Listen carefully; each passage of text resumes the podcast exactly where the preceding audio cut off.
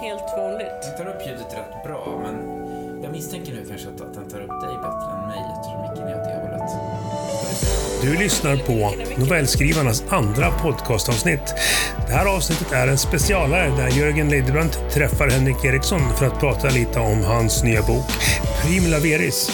Välkomna hit! Eh, Jag heter Jörgen Eggbrant och framförallt är den här mannen som är huvudpersonen. Han ska jag intervjua. För Han har precis gett ut den här romanen som heter Primula Veris. Och jag har ju haft förmånen att läsa den här i tidigt stadium också. Och nu har jag läst den en andra gång. Så jag känner mig rätt hemma i den här världen. Så det ska bli jätteroligt. Men om vi börjar från början med omslag och titel. Eh, kan du berätta lite om själva titeln? Primula Veris.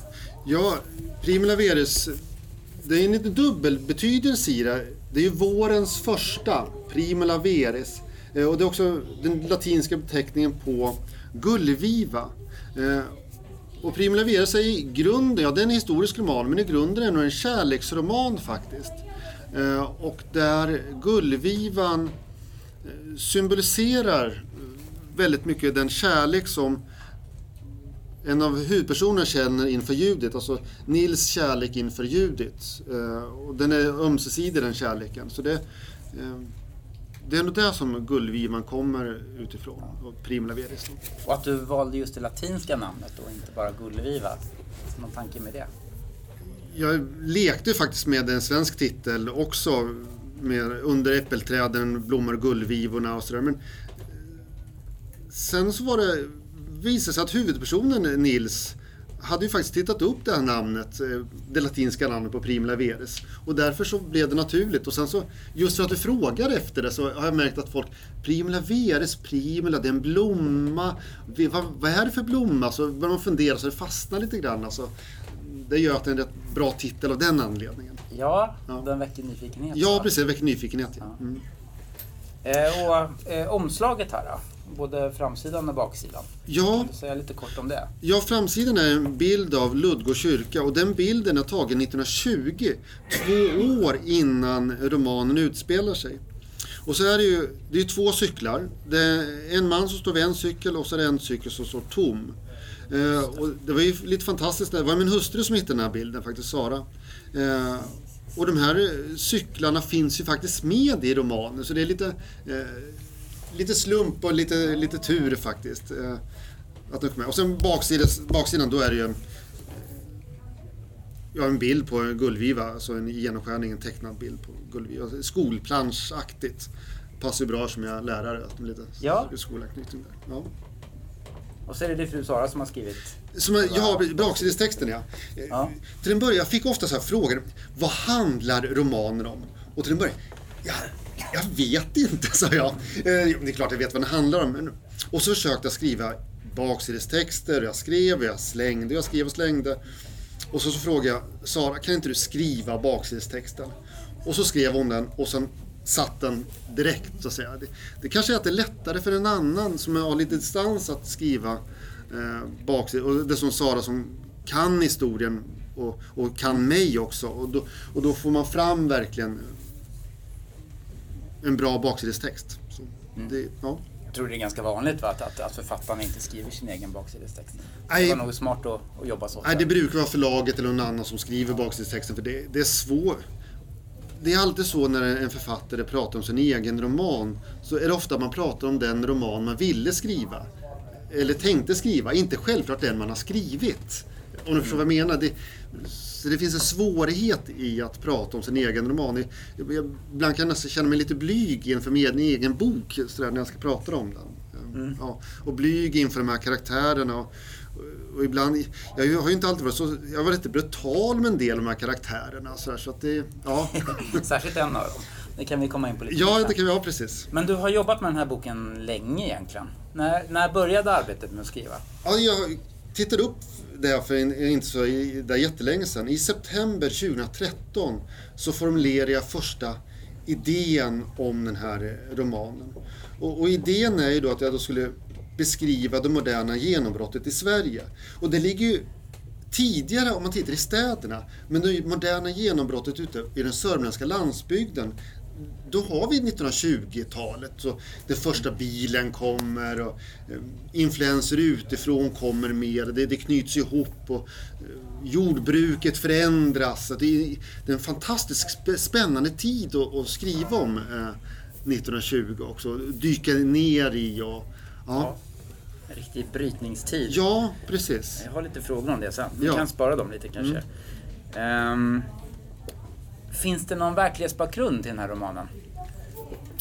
Man ska vara varsam med sanningen. Eh, ja, det gör det. Eh, som jag brukar säga, det otroliga har hänt och det sannolika har inte hänt i romanen. Lite grann så. Eh, det, det finns en hel del historier som...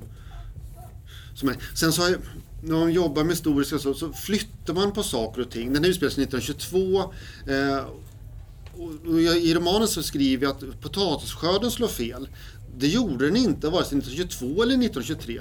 Det gjorde den 1917. Så jag har tagit en händelse från 1917 och flyttat till 1922. Eh, Moster Kristina som jag skriver om, hon har funnits. Men inte på 1920-talet utan i, i slutet på 1700-talet har Moster Kristina funnits. Och så har jag flyttat den här kloka gumman från 1700-talet och satt den i, i 1900-talet, 1920. Så, så jag har tagit mig rätt stora friheter. Men så får man ju göra. Ja, precis. Och det är därför jag är lite försiktig. med, Är det en historisk roman? Ja, framförallt är det en roman och på. Men visst har du gjort mycket research? Det tycker jag man märker när man, när man läser den här. Liksom.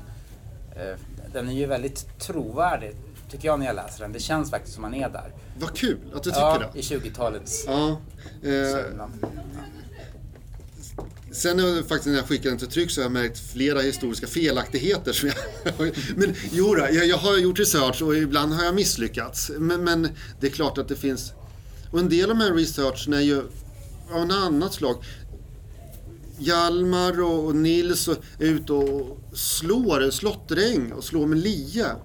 Och hur gör man research på det? Ja, det gör man som en liten pojke när ens morfar lär en slå med lie. Eh, men då, och det ska, ska man veta, då börjar man inte slå en vall, för det är jättesvårt att slå gräs. Då börjar man att slå brännässlor. För brännässlor är rätt lite enkla, för de, de knäpps av. Och då lär man sig eh, att svinga. Eh, så beskriver jag då hur, hur Nils då får en rak, jämn och samlad eh, grässträng bakom sig. Vilket jag inte får. Jag vet bara att det ska vara det. Så att säga. Det, Ja. det, är en, en konst att slå med lia. Ja, Ja. Nej, men det är sådana här detaljer som är viktiga när man läser som gör att man tror på det, som att det blir trovärdigt. Ja, precis. Det, det är skickligt gjort. Men eh, Ludgo socken Ja. utspelar sig. Eh, jag är ju själv inte från Nyköping. Men jag Nej. vet ju att den här platsen finns ju. Eh, varför valde du att förlägga romanen just där? Därför att jag är uppvuxen i de trakterna. Eh, när jag började skriva den så bodde jag uppe i Norduppland, uppe i Strömsnäsbruk.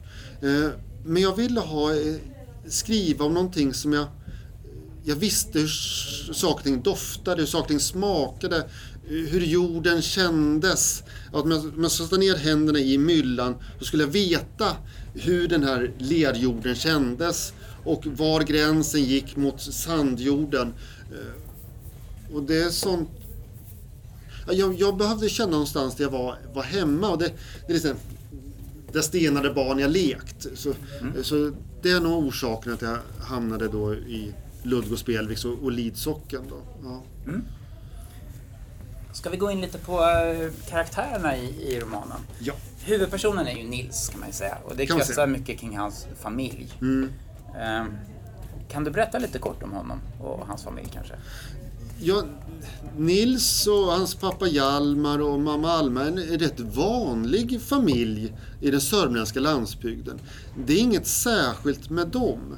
Men som jag är inne på så är det en kärleksroman också. Där en kärleksroman mellan, och det kanske inte är helt lätt att se, men den kärlek som finns mellan Hjalmar och Alma till exempel. Som är, det är ingen nyförälskelse utan det är en, det är en livslång kärlek, att deras liv har tvinnat samman och ihop. De är beroende av varandra och, de, eh, och så är det även då med, med Nils och hans bror Edvin. Att de, de, deras liv väver samman. Eh, och de står väl på något sätt för normaliteten väldigt mycket i den här romanen. Så finns det ju andra karaktärer som, som sticker ut lite mer kan man säga. Ja, det man kommer komma in på. Ja. Men eh, ja, det är intressant att du säger det. Egentligen är det ju tre kärlekshistorier som, som går i den här romanen då. Ja. Det är eh, Nils och Judith, Ja. som inte blir så tydlig förrän på slutet tycker jag, och, och man läser början.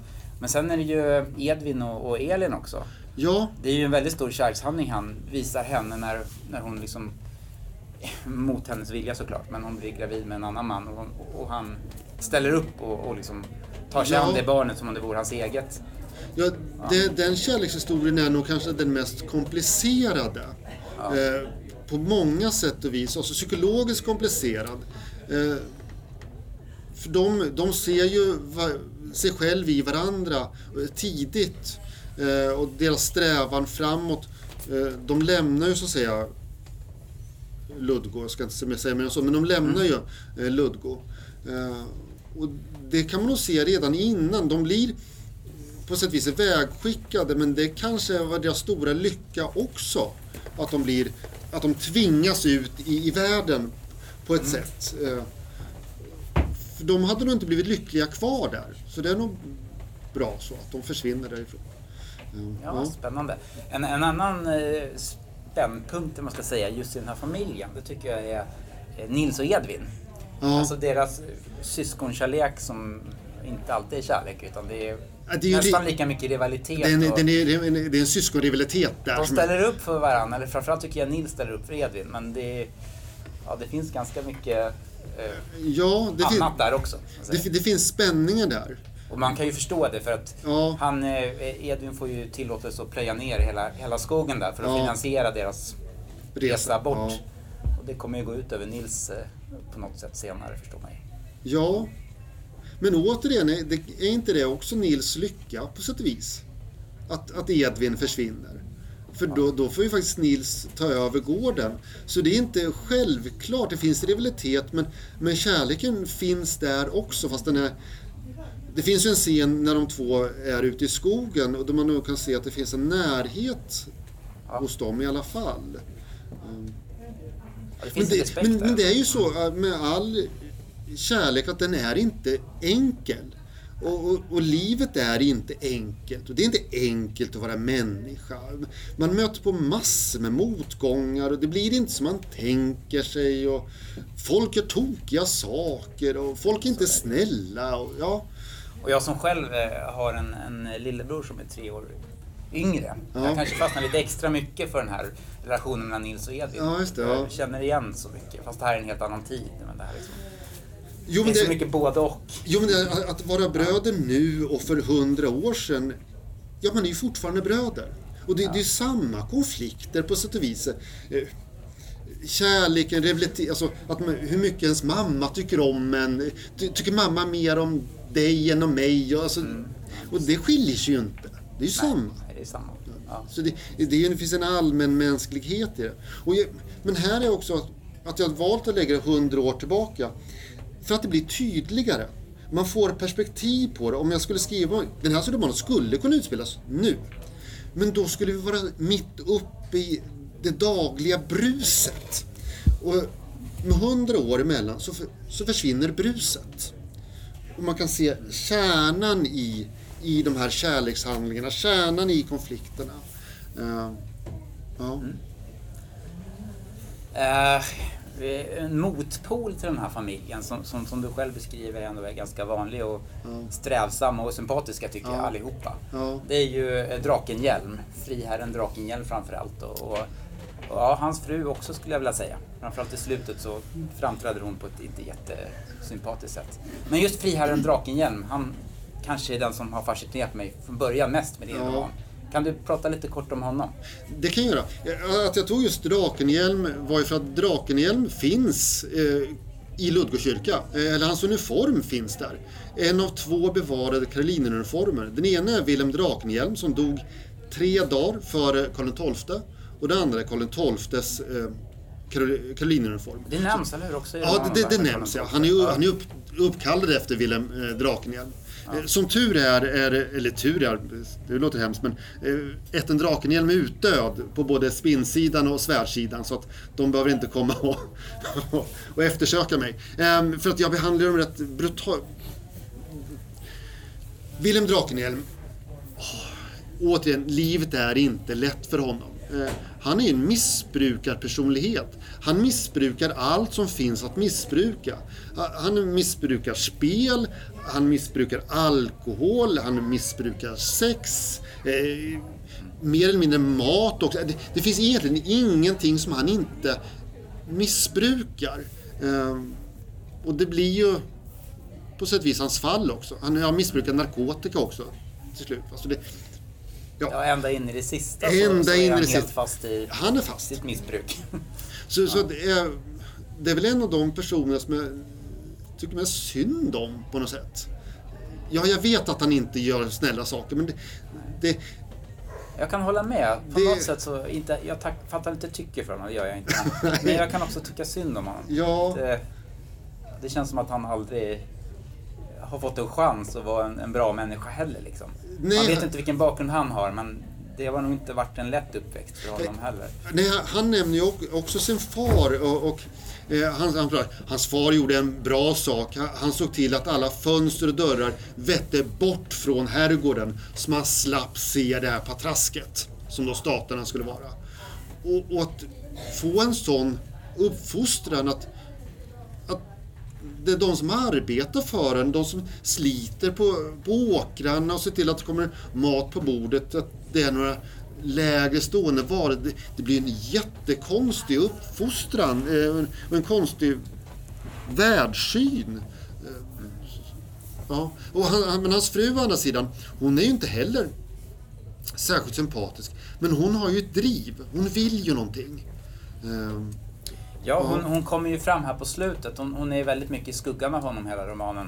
Och, och då tycker man ju synd om hon, henne, att hon har ett sånt svin till eh, man. Ja, ja. Men sen när hon själv får utrymme där på slutet så, så visar det ju sig att hon har väldigt många likheter med honom också. Men kanske lite smartare. Ja, men, men så är det ju. Alltså, de två, de gifte sig nog faktiskt av kärlek. Det tror jag. Och de såg nog sig själv i den andra också.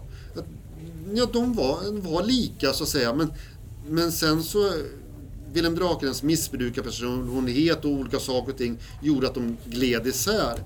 Eh, de skulle nog kunna ha varit ett riktigt powerpar egentligen.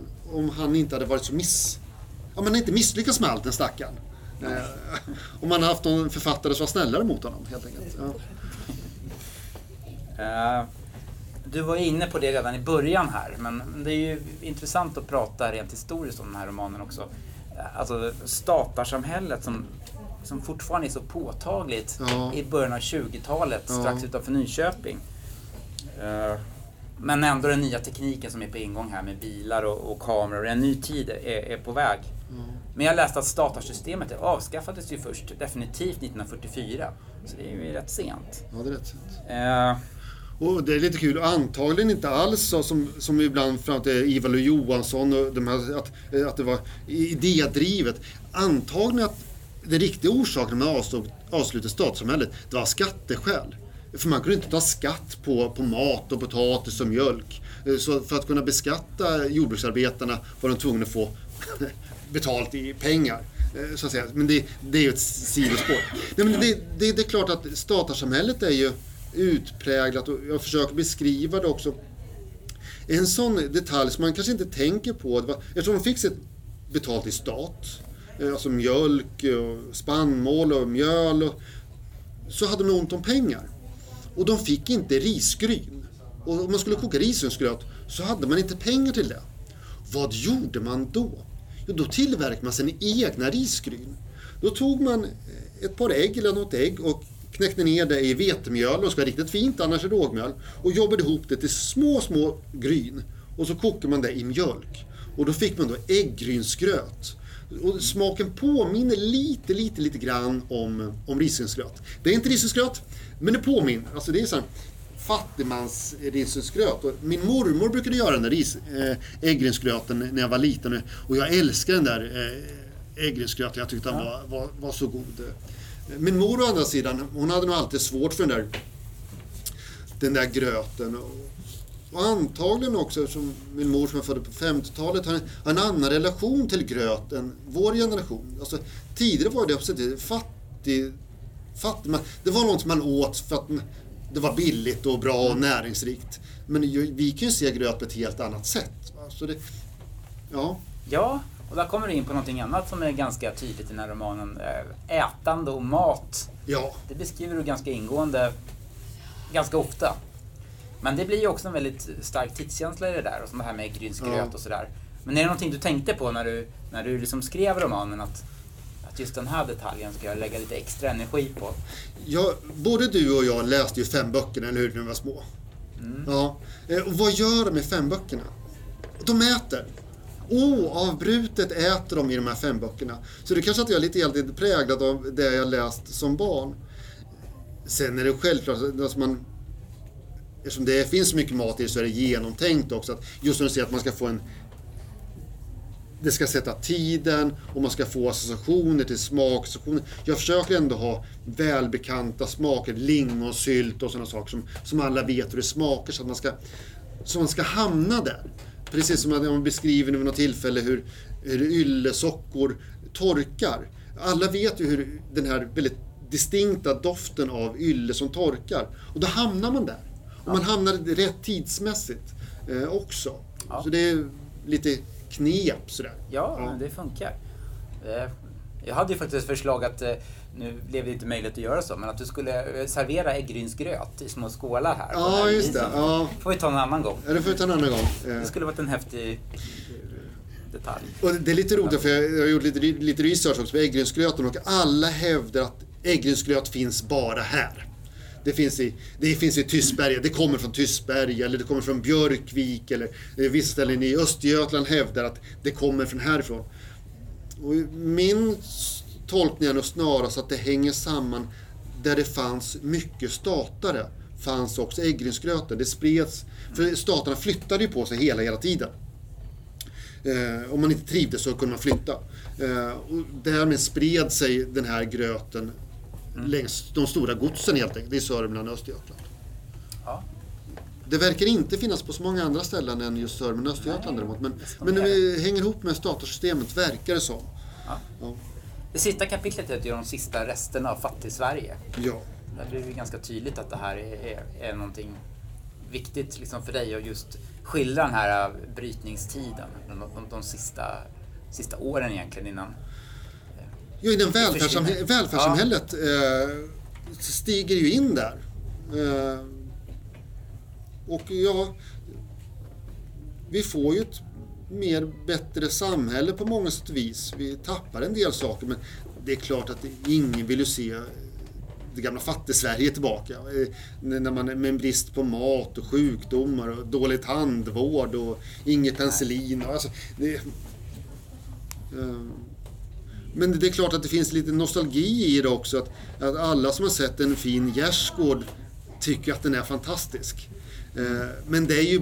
Sen så kommer taggtråden. Och den är ju mycket smidigare. Sen kommer man på att taggtråd kanske inte är sådär jättebra att ha i naturen.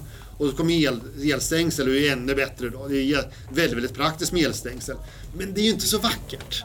Så. Eh, Nej.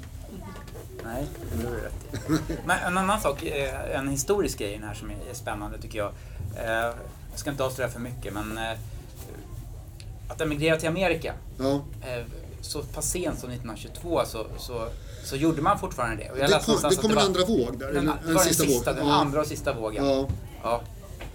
Och det gör ju två eh, viktiga karaktärer i den här, den här boken också. Ja, precis. Och de försvinner iväg och det finns också en adress varifrån de, de flyttar. Och den adressen har jag faktiskt hittat i någon av mina gamla släktingar flyttat till den adressen. Jag hittade ett gamla Amerikabrev med den adressen. Och då slängde jag in den adressen. Eh, Jag ändrade namnet på den, men, men, jag, jag behöll, behöll adressen, så att säga. Ja. Ja. Ehm. Nu vet jag att du inte tycker om den frågan. Men skulle du vilja säga att romanen har något, eh, något budskap som går att formulera, något huvudbudskap eller sådär? Var rädda om varandra, kanske. Eh, Det är ju väldigt mycket om kärlek som du Ja. säger. Och de här tre, inom samma familj, de här tre spåren. Ja. Liksom. Eh. Och, och kanske ha, ha förståelse för att det inte är så lätt. Alla gör så gott de kan. Eh, Även om det kan vara svårt att se ibland.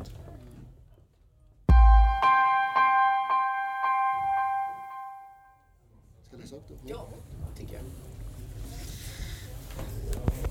Då tänkte jag att jag, jag läser prologen. Här möter vi eh, Nils i slutet av sitt liv. Annars så följer vi honom i hans barndom. Men i prologen möter vi honom som, som gammal man. Alla har sitt sätt att förbereda sig på att möta sin skapare. Och Nils sätt är mer handfast än de flestas. Hyveln möter träet och Nils hör med en gång hur det nyslipade stålet skapar ett perfekt hyvelspån som rullar ihop sig under det jämna draget. I snickeriet på Toppsta ovanpå fårhuset har han dragit sig undan. Förra vintern såg han ut och tog undan de finaste furun i skogen. Det växte i norrsluttningen mot åsen där marken är mager och stenig. Långsamt, långsamt har årsring lagts till årsring. På sina ställen är det till och med svårt att avgöra var den ena årsringen övergår till den andra. Det är rejält kärnvirkade uppsågade brädorna. Nu står de som bäst och hyvlar på kistlocket och doften av tall och kåda är stark. Nils drar sakta och van sin grova hand över locket. Han grymtar till och tänker på de människor som tror att man ligger och ruttnar i sin grav. På det djup man sänker ner en kropp ruttnar inget. Så långt ner finns det inte tillräckligt med syre. Det känner varenda bonde till. Han minns också en historia han läst i Allers. Kanske till och med var självaste Sven Hedin som skrivit den. Det var i alla fall en reseberättelse i Marco Polos fotspår. Mongolerna tog en get, högg huvudet av densamma. Levern delade genast upp mellan sig och tog upp. Resterna av inälvorna slängdes åt deras många hungriga hundar. De grävde en mansdjup grop och täckte botten med hö. Därpå fylldes get med en salt och slängdes ner på botten. Sedan skyfflade man i helt sonika igen gropen. Nästa vår när de återvände till sommarens betesmarker kunde de gräva upp gropen och det det finaste och möraste kött som tänkas kunde. Det var så mört att det föll samman och smälte i munnen. Smaken var stark såsom peppar och syrlig såsom av ättika. Ett märkligt kött, ett märkligt folk. När herran så kallar kommer han att hamna där nere. Allt kött är hö. En bra kista ska han snickra ihop till sig. Graven ska kläs i granris. Sin sista vila kommer han att få med en välbekant och rogivande dofter från skogen. Nils är noga med att ingen spik ska komma i närheten av kistan. Sargen är väl ihopfalsade, botten rejält infattad. Till och med locket som annars brukar skruvas på ska låsas fast med några kilar på ett snillrikt sätt. Hans sista viloplats kommer att vara, vara värdig. Han har så många gånger provlegat kistan och nästan somnat där i. Han tar det som ett tecken på att den sista vilan kommer att vara lugn och skön.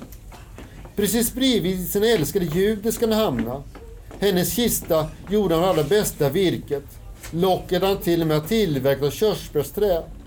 Han ville att hon inte bara skulle få vila på de allra mest fint hyvlade brädorna. Eh, Över sig skulle hon också få med sina älskade körsbärsträd med ständigt blommande körsbärsblommor. Om sitt arbete håller han tyst. Han vill få sin vilja igenom utan att fråga om lov. Det enklaste sättet att få det för en gammal man är att hålla tyst om vad han gör. Ingen frågar ännu en gammal gubbe vad han sysslar med om dagarna. Vad som får hans tid att gå. Bakom hög med spillvirke står en hel Explorer. Han har aldrig druckit starkt under hela sitt liv, men på sista dagarna har händerna börjat skaka så förbannat. Någon doktor vill han inte gå till. Ett par tre supar har märkt brukar dämpa det värsta. Han känner tyvärr allt för väl igen gammelmansskakningarna som drabbar så många i hans släkt på äldre dagar. Det finns bara ett slut på detta och inför det faktumet förbereder han sig. På hyvelbänken ställer han upp flaskan med segelfartyget och ett, par, ett spetsigt litet glas som smörgåsen som han virat in i papper. Det är rågbröd med en överbliven fläskskiva från igår. Skål på dig gamle gubbe, säger han och sveper det till bredden fyllda glaset. Han grimaserar, men värmen i halsen är skön. Just som han står och håller brännvinsflaskan i handen för att fylla på sig ett glas med en klar till, får han som en uppenbarelse. På flaskan är ett bild av ett skepp ute till havs och ska man ut och resa vill man inte göra det i blåkläderna. Kistan skulle nog bli ordentlig nog, men de måste vara propert klädd också.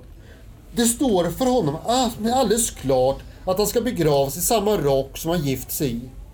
Bonjouren hänger uppe på vinden, väl instoppad i sin tygpåse med malkulor i fickorna. Han ska genast gå och se till den. Det ska hängas upp på vädring och borstas upp. Malkulorna ska bytas ut mot lavendel. Samma byxor kan han inte gärna ha, för hur skulle det se ut om han inte kunde knäppa gylfen? Ny skjorta och skjortkrage får det också bli. Han är lite bekymrad över västen också. Det kan vara så att den är lite för trång, men i värsta fall så behöver man ju inte knäppa den. Lite tankspritt tar en tugga av smörgåsen och höjer glaset en andra gång. Det är som brännvinet blir godare ju mer man dricker. Han håller fram handen rakt framför sig. Jo då, nu kan han hålla handen nästan helt still. Han funderar på vad det kan tänkas bli för mat. Han har turen att få en svärdott som kan laga redig och god mat. Med lite tur blir det paltbröd med fläsk.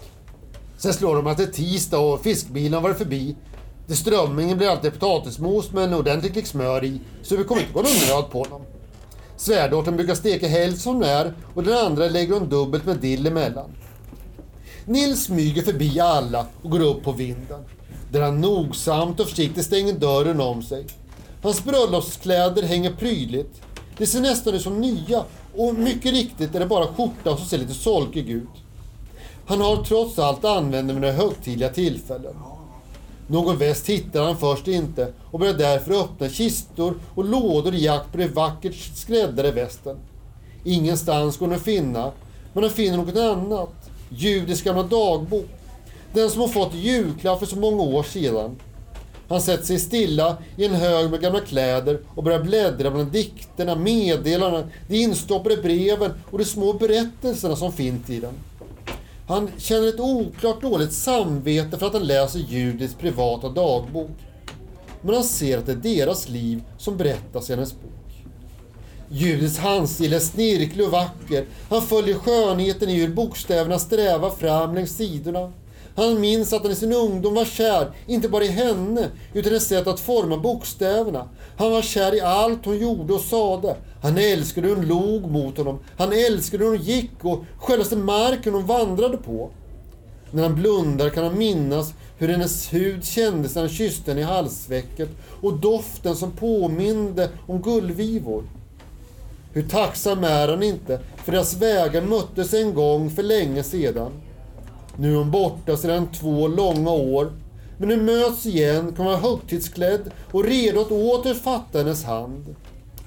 Nils börjar gråta och när tårar träffar det första boksidan med orden Vi hava här ingen varaktig stad utan vi söker den tillkommande. Hebreerbrevet 13. Han torkar sig med näsduken och bläddrar vidare i bladen. Är det verkligen så här det varit? Han blir osäker på sina minnen. Hur kan man skilja dikt från verklighet? Tack, jättefint.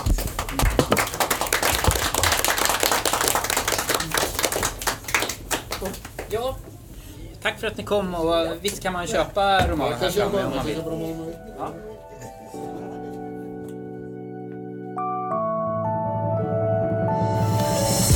Du har lyssnat på Novellskrivarnas andra podcastavsnitt.